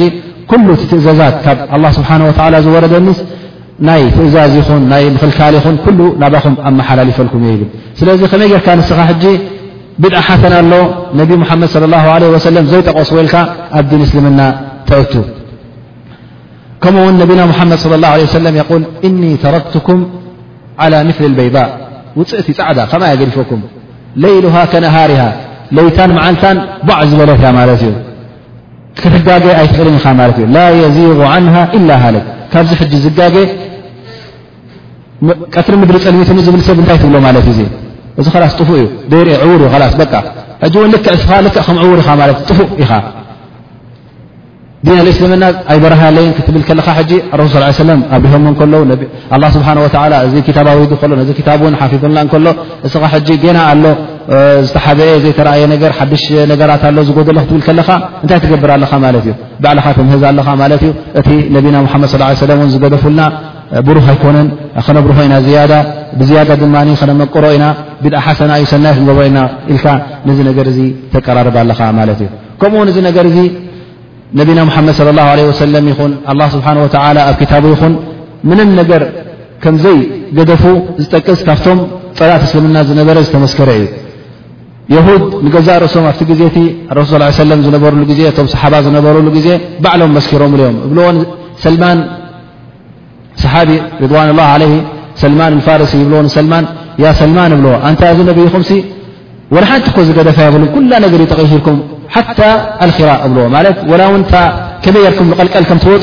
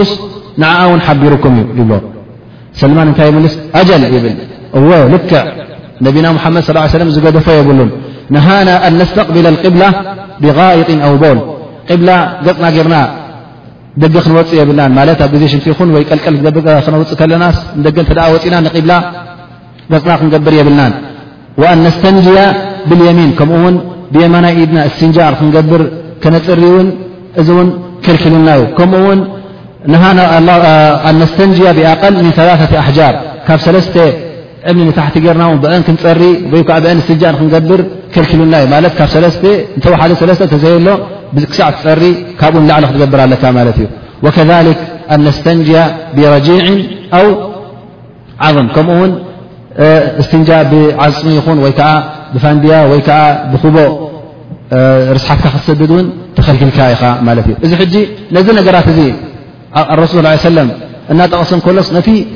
ሓሰና ትብሎ ዘለኻ ነቲ ሰናይ ነገር ኣብ ዲን ኣሎ ትብሎ ዘለኻ ጎዲሉ ትብሎ ዘለኻ ከመይ ገይሩ ጎዲሉ ትብሎ ነዚ ነገር እዚ ነዚ ቀሊል ነገራት ዝሕሰብ ከመይ ጌርካ ቤት ሽንቲ ትኣቱ ከመይ ጌርካ ትወፅእ ዘየማናይ እግርኻ ዲኻ ተእቱ መጀመርያ ፀጋማይ እግርኻ እንታይ ከዝክሪ ትገብር እዚታት ከሎ ወላ ውንቲ ናይ ውሱን ነገር ሓደ ሰብ ንበይኑ ዝገብሮ ነገር ከሎ ንዕኡ ነቢና ሙሓመድ ለ ላ ሰለም ሓቢሮምናስ ከመይ ጌርና ኢና ነዚ እስልምና ጉድለት ኣለዎ እሞ ገለገለ ቢድዓ ክንውስኸሉ ኢልና እንሓስብ ከምኡ ውን ካብቲ ቀንዲ ነገራት ክንፈልጦ ዘለና እቲ ተሽሪዕ ዝበሃል ሸርዒ እስልምና ዝበሃል እተ ክንሪኦ ኮይና እዚ መሰል ናይ ኣላ ስብሓን ወላ እዩ ዝኾነ ይኹን ሰብ ዝኾነ ይኹን ፈጠር ፍጡር መሰል የብሉን ሸርዒ ንኸምፅእ ወይ ከዓ ሸርዒ ንክምህዝ ማለት እዩ ወላ ውን ነቢና ሙሓመድ ለ ላ ለ ወሰለም እቲ ዝብሉና ዘመሓላልፉልና ዝነበሩ ሸርዒ ብገዛእ ርእሶም ብሓንጎሎም ዝመሃዝዎ ኣይኮነን እንታይ ደኣ ካብቲ ኣላ ስብሓን ወተላ ዝህቦም ዝነበረ ዋሓይ ብጅብሪል ገይሩ ወይ ከዓ ካብቲ ዝወሃቦም ዝነበረ ናይ ኣዋምር ላ ስብሓን ወተላ ዝመሓላለፍ ዝነበረ ንዕኡ እዮም ዘመሓላልፉ ደኣ ነይሮም እምበር ባዕሎም ደይመደይ ኢሎም ብሓንጎሎም ዝመሃዝዎ ሸርዒ ኣይኮነን ማለት እዩ ስለዚ እንተ እስኻ ኣነ ሓድሽ ነገር ምህዝ እየ ትብል ኣለካ ኮንካ ክውስኽ እየ ትብል እተ ኮንካ ፅባሕ እውን እንታይ ክትብለና ኢኻ ማለት እዩ እሞ እዚኣ እውን ኣብዚ ግዜ እዚ ምስዚ ግዜና ዘይተሰማምዐ እሞ እዚኣ እውን ነጉድላ እንተግደፍናዮ ሓይሽልና ኣብኡ ክንኣቱና ማለት እዩ ስለዚ እቲ ሙብተድዕ ዝበሃል እቲ ሓድሽ ምህዞ ዘምፅእ ቢድዓ ዘምፅእ ኣብ ዲን ኣልእስላም ልክዕ ንነብሱ ከም ኣላ ስብሓን ወተላ ይርኣ ኣሎ ማለት እዩ ኣነ እውን ክሽርዕ ይኽእል እየ ኣነ እውን ኣብ ሸርዒ እስልምና ሓድሽ ነገር ከምቲ ኣላ ስብሓን ወተላ ትእዛዛ ዘመሓላለፈ እዚ ኣጅር ኣለዎ እዚ ኣጅር የብሉን ዝበለ ኣነ እውን ልክዕ ከምኡ ኣጅር ኣለዎ ኣጅር የብሉን ኢለ ገለገለ ጥቕስታት ገለገለ ደንብታት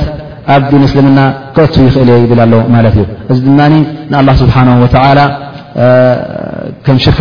ኮንካ ትቐርቦ ኣለኻ ማለት እዩ እዚ ድማ ብዝያዳ ካብ ዲን እስላም ክውፅኣካ ይኽእል ማለት እዩ ስለዚ እቲ ናይ ብድዓ ነገር ነቲ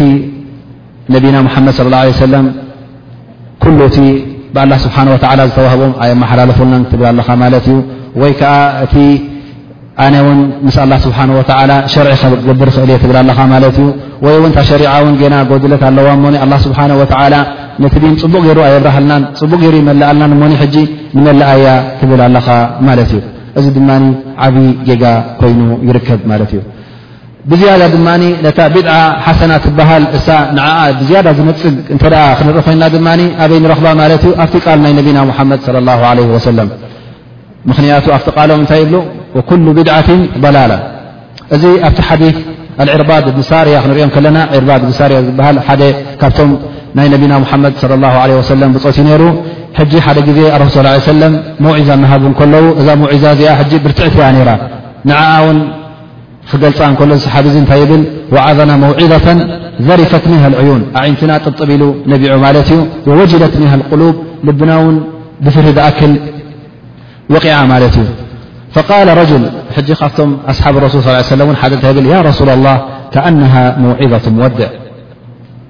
እዛ ሙዕዛ ዝሃብካናስ ልክዕ ናይ ዝፋኖ ዘሎ ሰብ ድሕር ሕጂ ዘይትሪኦ ሰብ ዝህበካ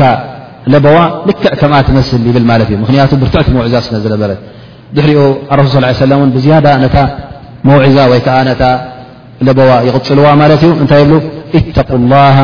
ዓለይኩም ብሰምዒ ወጣዓ ንኣላ ስብሓን ወላ ተቕዋ ግበሩ ንኣላ ፍርህዎ ካብቲ ዓዛቦ ተጠንቀቑ ዓለይኩም ብሰምዕ ወጣዓ ንኣላ ስብሓን ወተላ እውን ነ ትእዛዛት ናይ ኣላ ይኹን ነቶም ኡይ ኣምር ዝተባህሉ እውን ነቲ ነቢኹም መሓመድ ስ ሰለም እውን ስምዕዎን ተማእዘዝዎን ወኢን ዓብደን ሓበሽያ ወላ እውን እቲ ንክመርሓኩም ካብቶም ድሑራት ባርያ ትሓስቦ ዝነበርኩም ካብ ካልእ ሃገር ዝመፀ ብሕብሩን ብእቲ ባርነቱን ፀርፍዎ ዝነበርኩም ሰብ እሱ እውን ወላ እተ ሱ ኣሚር ናኩም ኮይኑ መራሒ ናኩም እተ ኮይኑ ንዕኡ እውን ተማእዘዝዎ በቃ ሕጂ ታኢማራ ስለ ዝመፀቶ ብሕብሩ ይኹን ብመልክዑ ይኹን ብዓለቱ ይኹን ብኡስ ነቲ ዘዛነቱ ክትነፅግ የብልካን ማለት እዩ ወመን የዕሽ ምንኩም ባዕዲ ፈሰየራ እክትላፈ ከራ ብድሕረይ እውን ዕድሚኡ ዝነውሕ ብድሕረይ ዝነብር ሰብ ካባኹም እውን ብዙሕ ነገራት ፍልልያት ክርኢ እዩ ነዚ ከ እንታይ ይፈውሱ ያ ረሱላ ላ ፈዓለይኩም ብሱነቲ ቀጥ ኢልኩም ደኣ ነታ ሱና ናተይ ንዓኣ ሓዝዋ ወሱነት ኮለፋ ራሽዲን ኣልማህድይና ምን ባዕዲ ከምኡ ውን ነታ ሱና ናይቶም ኮለፋ ዝተባህሉ ኣቡበከር ወዑመር ወዑማን ዓሊ ናይ ዚኦም ሱና እውን ቀጥ ኢልኩም ሓዝዋ እዚኦም ምክንያቱ ካብቶም ረሱል ስ ሰለም ምን ኣህሊ ጀና ምዃኖም ዝመስከርሎም ስለ ዝኾኑ ትሶም ዝገብርዎ ኩሉ ግዜ ኣህሊ ጀና ካብ ኮኑ ካብቲ መንገዲ ረቢ ስለ ዘይወፅ እዩ ዑዱ ዓለይሃ ብነዋጅብ ሕጂ እዚ እንታይ የርእየና ኣሎ ዝያዳ ማለት እዩ ዑዱ ዓለይሃ ብነዋጅብ ክብል ከሎ ቀጥ ኣቢልኩም ሓዛ ዋላ ቀጥ ኣቢልካ ብኣስናንካ ንኸሳ ክትበሃል ከለኻ ንሓደ ነገር ኣይትግደፋ ማለት እዩ ካብኣ ፍልይ ኣይትበል ፍንትት ኣይትበል በስናንኩም ጌርኩም ቀጥ ኣቢልኩም ንኸስዎ ወእያኩም ሕጂ ፍቲ መጠረሻ ንመፅ ኣለና እታ ቐንዲ ተድልየና ዘላ ወእያኩም ወሙሕደታት እሙር ካብቲ ሓድሽ ነገራት ካብቲ ሕደሳታት ኣብ ዲን ዝኣቱ ነገር ካብኡ ተጠንቀቑ ፈኢነ ኩለ ብድዓት ደላላ ዝኾነ ይኹን ሕደሳስ ደላል እዩ ጥፍኣት እዩ ይብል ማለት እዩ ፈኢነ ኩል ሕጂ ኩል ትብል ነገር ንኹሉ ነገራት ትዕብልል ማለት እዩ ዝኾነ ይኹን ብድዓ ሓሰና ዝበሃል የለ ፅቡቕ ዝበሃል የለ ሰናይ ብድዓ ዝበሃል የለን ኩሉ ብድዓ ዝበሃል ፈኢነ ኩሉ ብድዓትን ደላላ ይብል ማለት እዩ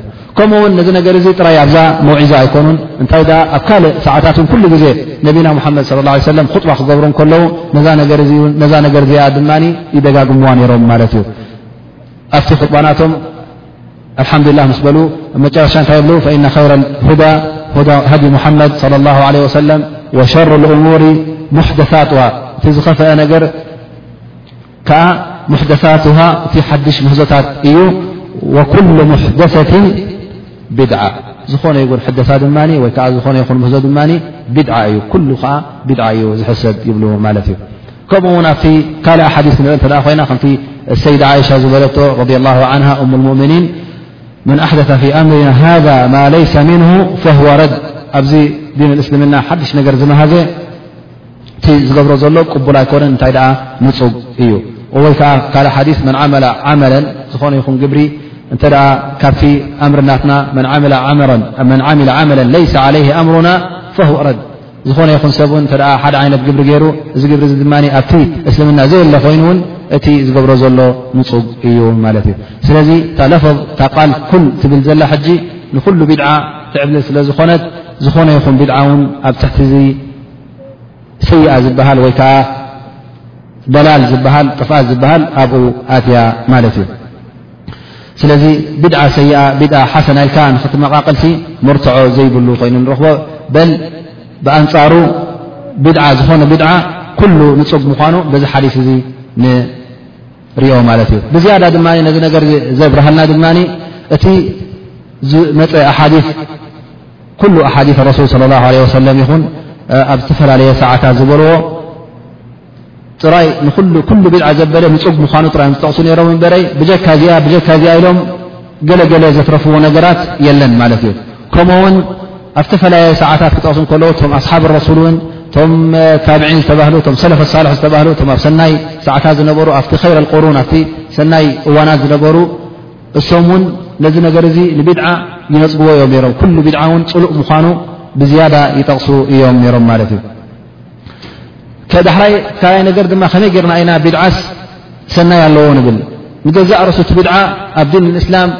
ነቲ ኣብ ዲን እስላም ዘሎ ዝፃረር ካብ ኮነ ከመይ ጌርካ ኢኻ ሰናይ እዩ ትብሎ ማለት እዩ ከመይ ጌርካስ እዚ ነገር እዚ ተፃራሪ እንከሎ ሓዱሽ ሸርዒ ነቲ እስልምና ንኡ ነቲ እስልምና ድማ ንኡ ብዝያዳ ኣንፃሩ ዝኸይድ ከሎ ከመይ ጌርካ ኢኻ ብዝያዳ ድማ ከመይ ጌርካ ኢኻ ሓሰና ትብሎ ኩሉ ግዜ ንእስልምና ዝፃርር እተ ኮይኑ ካብ እስልምና ዝወፅእ እተ ኮይኑ ኩሉ ግዜ ፅሉእ ዩ ዳኣ እምበር ፍቱ ኣይኮነን ማለት እዩ እዘን ኣብቲ ዝነበርናዮ ነጥቢ ንመለስ ስለዚ እታ ብድዓ ሓሰና ትበሃል በዚ ነገራት እዚ ትንፀጋላ ማለት እዩ ኣብ ርእሲኡ እውን እታ ብድዓ ሓሰና እንብላ ዘለና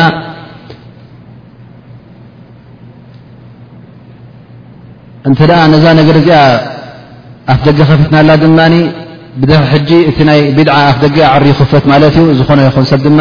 እዚኣ ብድዓ ሓሰና እናበለ ኣብቲ ድን እስላም ከም ድላዩ ዝኾነ ነገር ክእቱ እዩ ማለት እዩ ከምኡ ውን ነዚ ነገር እዚ መምዘኒኡ እንታይ እዩ ወይ ከዓ መለክዒ ናይ ብድዓ ሓሰናን ብድዓ ሰይኣንሲ እንታይ ክኸውን ማለት እዩ ነዚ ነገር እዚ ብድዓ ሓሰና እዩ ወይ ብድዓ ሰይኣ ክትብሎ እተ ኮይንካስ ሰናይ ብድዓ እዩ እከይ ብድዓ ክትብሎ እተ ኮይንካስ እንታይ መምዘኒ ኣለካ ወይ ከዓ እንታይ መለክዒ ኣለካ እንተ መለክዒኡ ብሸሪዓዊ መለክዒ ኮይኑ ብሱና ነቢ ይኹን ብክታብ ቁርን ኮይኑ እዚ ሕጂ ቢድዓ ኣይኮነን ማለት እዩ ናበይ ኻ ትምለስ ኣለኻ ማለት እዩ ናብቲ ሸርዒ ኢኻ ትምለስ ዘለኻ ግን እንተ ብኣእምሮ እዩ ትብል እተ ኮንካ ኸ ኣየ ናይ ኣእምሮ እዩ እሞ ናተይ ኣእምሮ ድዩስ ናትካ ናይ ዓረብ ድዩ ናይ ጥልያን ናይ መን ኣእምሮ እዩሞ ንመና ክንወስድ ማለት እዩ ስለዚ ሰብ ዝተፈላለየ ኣእምሮታት ስለ ዘለዎ ድማ ሕጂ ነዚ ነገር እዚ መለክዕን ወይ ከዓ መምዘኒ ክንረኽበሉ ኣይንኽእል ኢና ማለት እዩ ከምኡ ውን ኣብ ርእሲኡ ታ ቢድዓ እንተ ተኸፊታ ውን ኩሉ ግዜ ካብቲ ዲን ክንወፅእ ክንርሕቕ ኢና ኩሉ ግዜ እቲ ዲን ድማ ብዓብኡ ክበላሸ እዩ ማለት እዩ ንኣብነት እተ ክወስድ ኮይና ረሱል ስ ሰለም ዙይ ዲን ካብ ዘምፅዎ ካብ ሽ4 ዓመት ዝያዳ ኣለዎ ማለት እዩ እንተ ንጎሉ ኣብ ዓመት ሓንቲ ብድዓ እተ ክትውስኽ ኮይና ን ብድዓ ሓሰዛየልና ድማ ነትዋ እተ ኣለና ኮይና ሽን ኣር ብድዓ እንተወሓደ ክንረክብ ኢና ማለት እዩ ሽ ኣር ብድዓ እተ ተረኪቡ ድማ ስልምና ስንታይ ተሪፎ ማለት እዩ ሕጂ ቲ ዲን ዛቱ ንገዛርእሱ ታሕሪፍ ይርከብ ማለት እዩ ካብቲ ቀንዲ እስልምና ድማ ካብኡ ይወፅእ ማለት እዩ ሓድሽ ምህዞ ሓድሽ ዲን ይኸውን ኣሎ ዳኣ እምበር እቲ ነቢና ሙሓመድ ስ ሰለም ዝገደፉልና ዲን እሱ ኣይኮነን ማለት እዩ ከምኡ ውን እተ ሎ መዓልቲ ቢድዓ ሓሰና ኢልካ ሓንቲ ነገር ተእትልካ ኮንካ እቲ ካልኦ ውን ሞ ቢድዓ ሓሰናስ ነዚኣ ክገድፋ ውን ቢድዓ ሓሰና ይክብል ማለት እዩ ስለዚ እንተ ንክንውስኽ ኣፍቂድና ከምኡ ውን ካብ ፍዲ ንክነጉድል ክነፍቅድ ኣለና ማለት እዩ ምክንያቱ ምውሳክን ምጉዳልን ዳርጋ ኩሉ ሓደ እዩ ስኻ ኩሉ ግዜ እዚኣ ፅብቕቲያ እዚኣ ጥዕምቲያ ትብል እተ ኮንካ እቲ ምጥዓምን እቲ ምፅባቕን ባዕልካ ትውስኖ እተ ኮንካ ክትውስኽን ክተጉድልን ትጅምር ማለት እዩ እዚ ሕጂ እቲ ቢድዓ ሓሰናን ቢድዓ ሰይኣን ኢልካ ምምቃል ጌጋ ምዃኑ ካብኡ ሓሊፍና ናበይ ንኣቱ ናብቲ ኣስባብ ኣልቢዳዕ እንሻ ኣላ ሕጂ ድማ እዚኤን ኣሕፅር ኣሕፅር ኣቢለ ክጠቕሰን እየ ምኽንያቱ ግዜ ሰላት ስለ ዝኣኸለ ቀዳማይ ነገር እቲ ካብቲ ኣስባብ ናይ ቢዳዕ ኣልጃህል ብሱና ማለት በቲ ሱና ናይ ነቢና ሙሓመድ ለ ላሁ ለ ወሰለም ብኣሓዲስ ነቢ ሙሓመድ ለ ላሁ ለ ወሰለም ንዕኡ ዘይፈልጡ ሰባት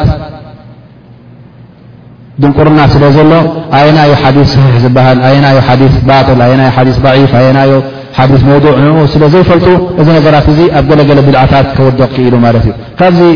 ምስላታት ዝምስልዎ ዕለማ ይብሉ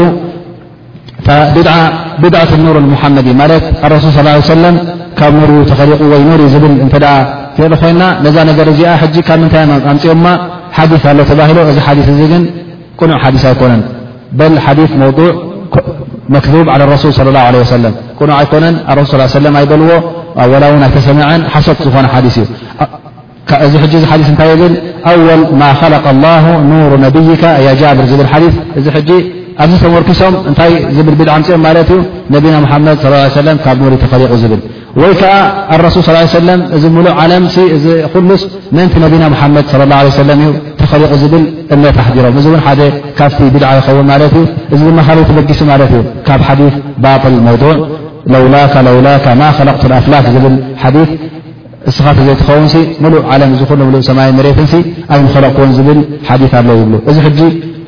ሓዲት መውዱዕ ኣስሊ ዘይብሉ ስለ ዝኾነ ነዚ ነገር እዚ ድማ ዝትንትኑ ዑለማ ነዚ ነገር እዚ ዘፃርዩ ዑለማ ስለ ዘይተረኽቡ ጃህል ስለ ዘሎ ዘይፍልጠት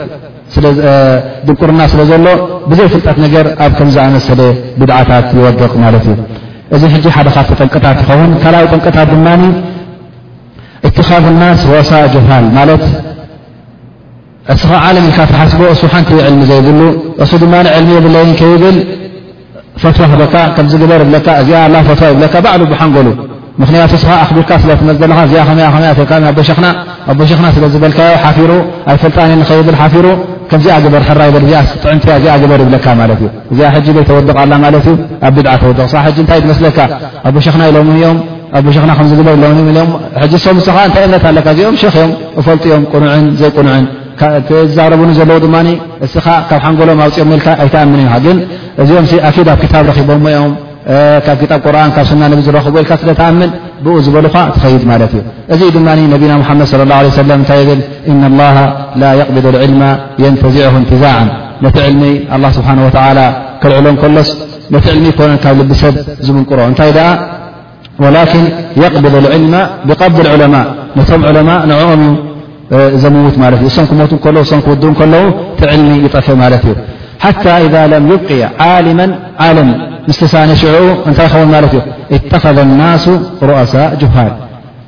ሰብ እንታይ ይገብር ማለት እዩ ዓለም ዝተሰኣነ ንዝኾነ ሰብ ከም ዓለም ገይሩ ይቆፅሮ ማለት እዩ ፈኣፍተው ብغይር ዕልም ብዘይ ዕልሚ ከም ዝግበሩ ከምዙ ትግበሩ ይብሉ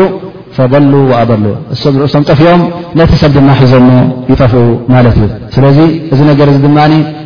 ካበይ መፅእ እንታይ ምፃልካ ማለት እዩ ሓድሽ ነገር ዲን እናበልካ ተቕበሎ ዲን ኣይኮነን እስልምና እናበልካ ተቕበሎ ካብ እስልምና ዝወፀ ምህዞ ይኸውን ማለት እዩ ከምኡ ውን ነዚ ነገር እዚ ነዚ ቢድዓታት እዚ ብዝያዳ ዘማዕብሎን ናቲ ጠንቂ ዝኸውን ድማ እቲ ባህልታትን ተዓባ ናህካን ኣብ ናይ ሞት ዝርከብ ዓዳታት ኣብ ናይ ታዕዝያ ዝርከብ ዓዳታት እዚ ሕጂ ዝኾነ ይኹን ዓለም ዝኾነ ይኹን ወዲ ሰብ ዘይመውት ሰብ የለን ኣብ ኩሉ ሰብ ይመውት እዩ ታሞትን ታህየትን ምውላድን መርዓን እዚ ሱነት ሓያት እዩ ናይ ህየትና ሱና ስለ ዝኾነ ኣብዚ ሕጂ እንታይ መፅእ ማለት እዩ ጅናዛ ምስ ሞት ዝተኣሳሰር ገለገለ ዓዳታት ወይ ከዓ ገለገለ ባህልታት ይርከብ ምስ ናይ መርዓ ዝተኣሳሰር ባህልታት ምስ ናይ ምውላድ ዝርከብ ባህልታት መጀመርያ ከም ባህሊ ኮይኑ ይጅምር ከምዘይ ኢልካ ቀስ ብቀስ ይጅምር እናኸደ ክናኸደ ከሎ ድማ ልክዕ ከም ዲን ይውሰድ ማለት እዩ ወይ ከዓ ምስቲ ዲን ዝፃረር ይኸውን ማለት እዩ ስለዚ እዚ ነገር ድማ ከም ናብ ብድዓ የውድቐካ ማለት እዩ ከምኡ ውን ካብቲ ናብ ብድዓ ዘውድቕ ድማ ተቕሊድ እዩ ወይ ከዓ ገለገለ ከምቲ ዝበልናዮ ዓለም ኢልካ ተቆፅሮ እሱ ዝበለኒ ንዕኡ ዝበለኒ ኣይጋገን ዩ ዝሰብልካ ን ቀጥ ኢልካ ክትሕዛን ከለኻ ኣንታ ረሱ ስ ሰለም ከም ዝብሎም ኣብ ክታብ ረቢ ከምዚ ኢሉ ክትብሎም ከለኻ ሕጅሱ እንታይ ይብል ማለት እዩ ኣነ ብጀካ ሸኸይ ዝበለኒ ናቱ ጥራይ ዝቐበል እበረይ ዝመፀ ተመፀናትስ ኣይኣምኖን ይብል ማለት እዩ እዚ ሕጂ እንታይ ይገብር ኣሎ ማለት እዩ ልክዕ ተዓሚቱ ደድሕዚ ሰብ እዚ ይኸይድ ኣሎ ማለት እዩ ናተ ውን ይኣምን የለን ማለት ቲ ናይ ሓቂ ይግድሰ የለን እዚ ኣብ ክታብ ኣሎ ብ ክታብ የለን ኣብ ስና ነብ ኣሎ ኣብ ስና ነብ የለን ብ ይግደስ የለን ግን እንታይ ይግደስ ኣሎ ፍላን ኢሉኒ ንዑ ኣነ ዝኣምን እኡ ሸኸይ እኡ መራሀ ኢሉ ደድሕሪኡ ኸይድ ህዝቦ ድማ ደድሕሪኡ ይጠፍእ ማለት እዩ እዚ ሕጂ እቲ ጥንቅታት ናይ ብድዓ ይኸውን ማለት እዩ ኣብ ርእሲኡ ድማ እዚ ብድዓ እዚ ናቱ ሓደጋ ክንርኢ እተ ኮይና ዓብ ሓደጋ ዩ ቀሊል ነገር ኣይምስልና ማለት እዩ ቀዳማይ ነገር ከምቲ ነቢና ሙሓመድ صለ ላሁ ለ ወሰለም ዝበልዎ መን ኣሕደታ ፊ ኣምሪና ሃዛ ማ ለይሰ ምንሁ ፈህወ ረድ ማለት እቲ ኩሉ ነገር እትገብሮ ቅቡል ኣይኮነን ብቢድዓ ዝገበርካ ነገር ንኣላ ህልካ ትገብሮ ዘለኻ ኣጅሮ ክበልዮ ትብል ዘለኻ ኣላ ስብሓን ወተዓላ ኣይቅበሎን እዩ ማለት እዩ በል ኣብ ርእሲኡ ዘንቢ እዩ ዝገብረልካ ማለት እዩ ከምኡ ውን ከምቲ ዕለማ ዝብልዎ ተውባ ክብል እንተ ኮይኑ ክናሳሕ እተ ኮይኑ ተውባ እውን ባርጋ የብሉን ምክንያቱ እዚ ሰብ እዚ ነዛ ነገር እዚኣ ካብዚ ኢሉ ስለ ዝቆፅራ ወላ ኣብ ሓንጎሉ ኣይመፅን እዩ ማለት እዩ ተውባ ኣነስ ረቢ ክፈትወለይ እዚኣ ነገር እዚኣ ዝገብራ ዘለኹ እዚኣስ ኣጅር ኣለዋ ኢሉ እናገበረ ከሎስ ንዓ ተውባ በልካ እዛ ነገር እዚኣ ክትብሎ ከለካ ከመይ ገይሩ ቅበለካ ኣይቅበለካን እዩ ከመይ ገረ ተባ ገብር ብለካ ኣነስ ንኣላ ስብሓን ወላ እናተገዛእኩስ ካብኣ ተባ በል ትብለኒ ብለካ ማለት እዩ ስለዚ እቲ ናይ ተውባ ነገርሲ ማሕጁብ ወይ ከዓ ክልኩል እዩ ኣብ ተውባስ ኣይበፅሕን እዩ ግን እንተ ኣላ ስብሓን ወላ ወፊቕዎ ነዚ ነገር እን ጌጋ ምዃኑ ፈሪጥዎ ቢድዓ ገብር ነይሩ እተ ተረዲኡ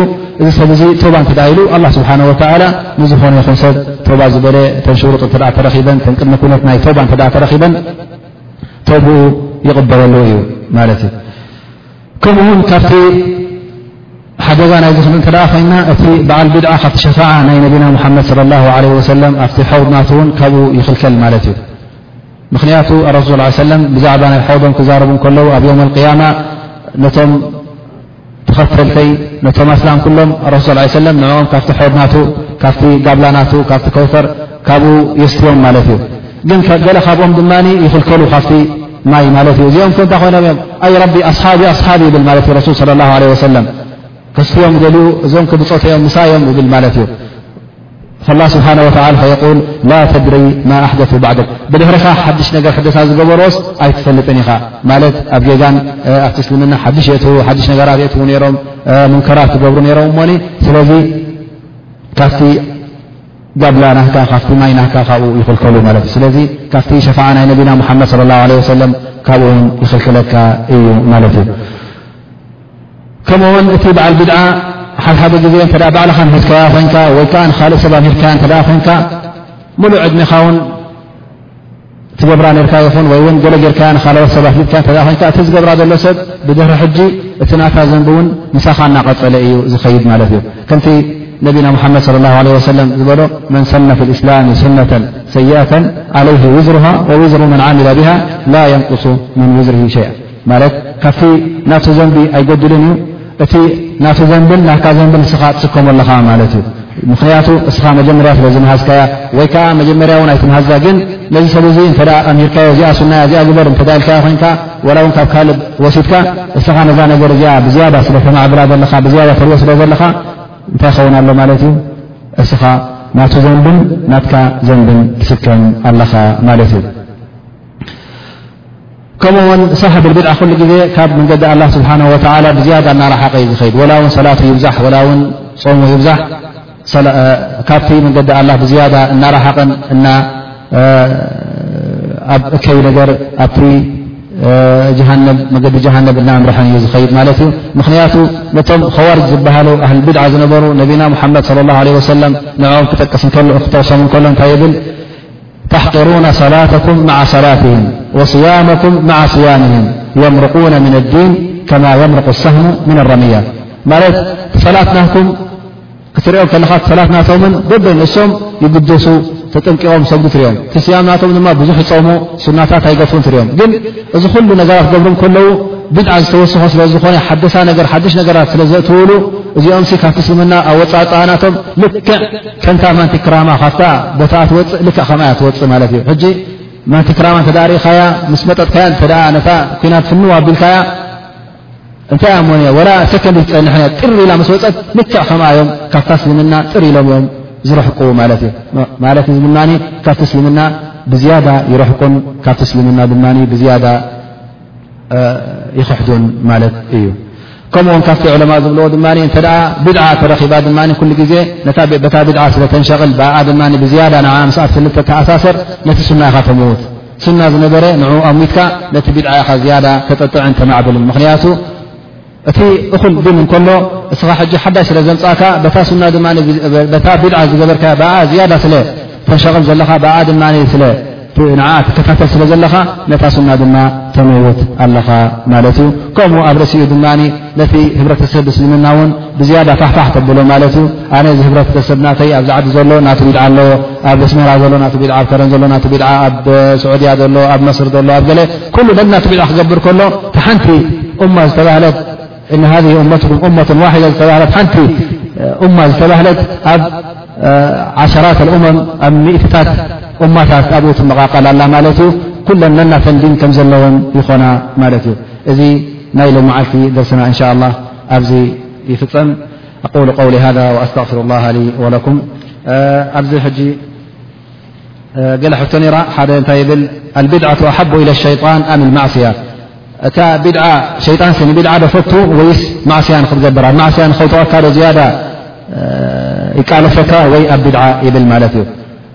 ነዛ መልሲ እዚኣ ድማ ክንሪኣ እተ ኮይና ከምቲ ዑለማ ዝብልዎ ብዝያዳ ሸይጣን ኣብ ቢድዓ ከውዘካ እዩ ዝፈት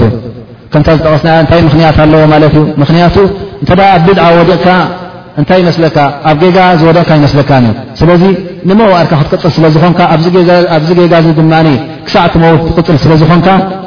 እቲ ሸይጣን ናብኣ ከውድቐካ እዩ ዝፈትን ግን ማዕስያ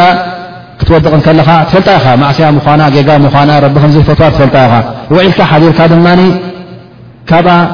ንክትቁጠብ ውን ትፍትን ኢኻ ማለት እዩ ገለ ውን ስተቕፍርላ ትብል ወላ ውን እናገበርካ ከለኻ ውን ሓንቲ መዓልቲ ተባ ትገበር ሓንቲ መዓልቲ ስተቕፋር እናገበርካ ውን ትድንስሳ ትኸውን እናሓሰብካ ከለኻ እዚኣስ ዘንብያ እዚኣስ ጌጋ ትገብራ ግን እቲኣ ጌጋ ምዃና ስለ ዘይተኣመንካላ ንምወእሉ ህይወትካ ድማ ምሳኻ ስለ ትጓዓዝ ኣብ ጌጋ ተውድቐካ ማለት እዩ እዚኣ ሕጂ ብዛዕባ ናይ ቢድዓን ሱናን ማለት እዩ እንሻ ላ ዘረባና ኣብዚ ድምደም ማለት እዩ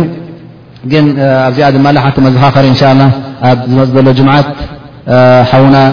ሸክ እብራሂም ስራጅ ኣብዚ መጅሊስ እዚ ክካፈሉና ስለ ዝኾኑ እንሻ ላ ድሕሪ መቒብ ልክዕ ኣብዛ ሰዓት እዚኣ እንሻ ላ ኣብዚ መሊስ እዚ ሸክ እብራሂም ደርሲ ክቡና እዮም ኩላህና ድማ እንሻ ላ ንክንርከብ ፃውዒተይ የመሓላለፍ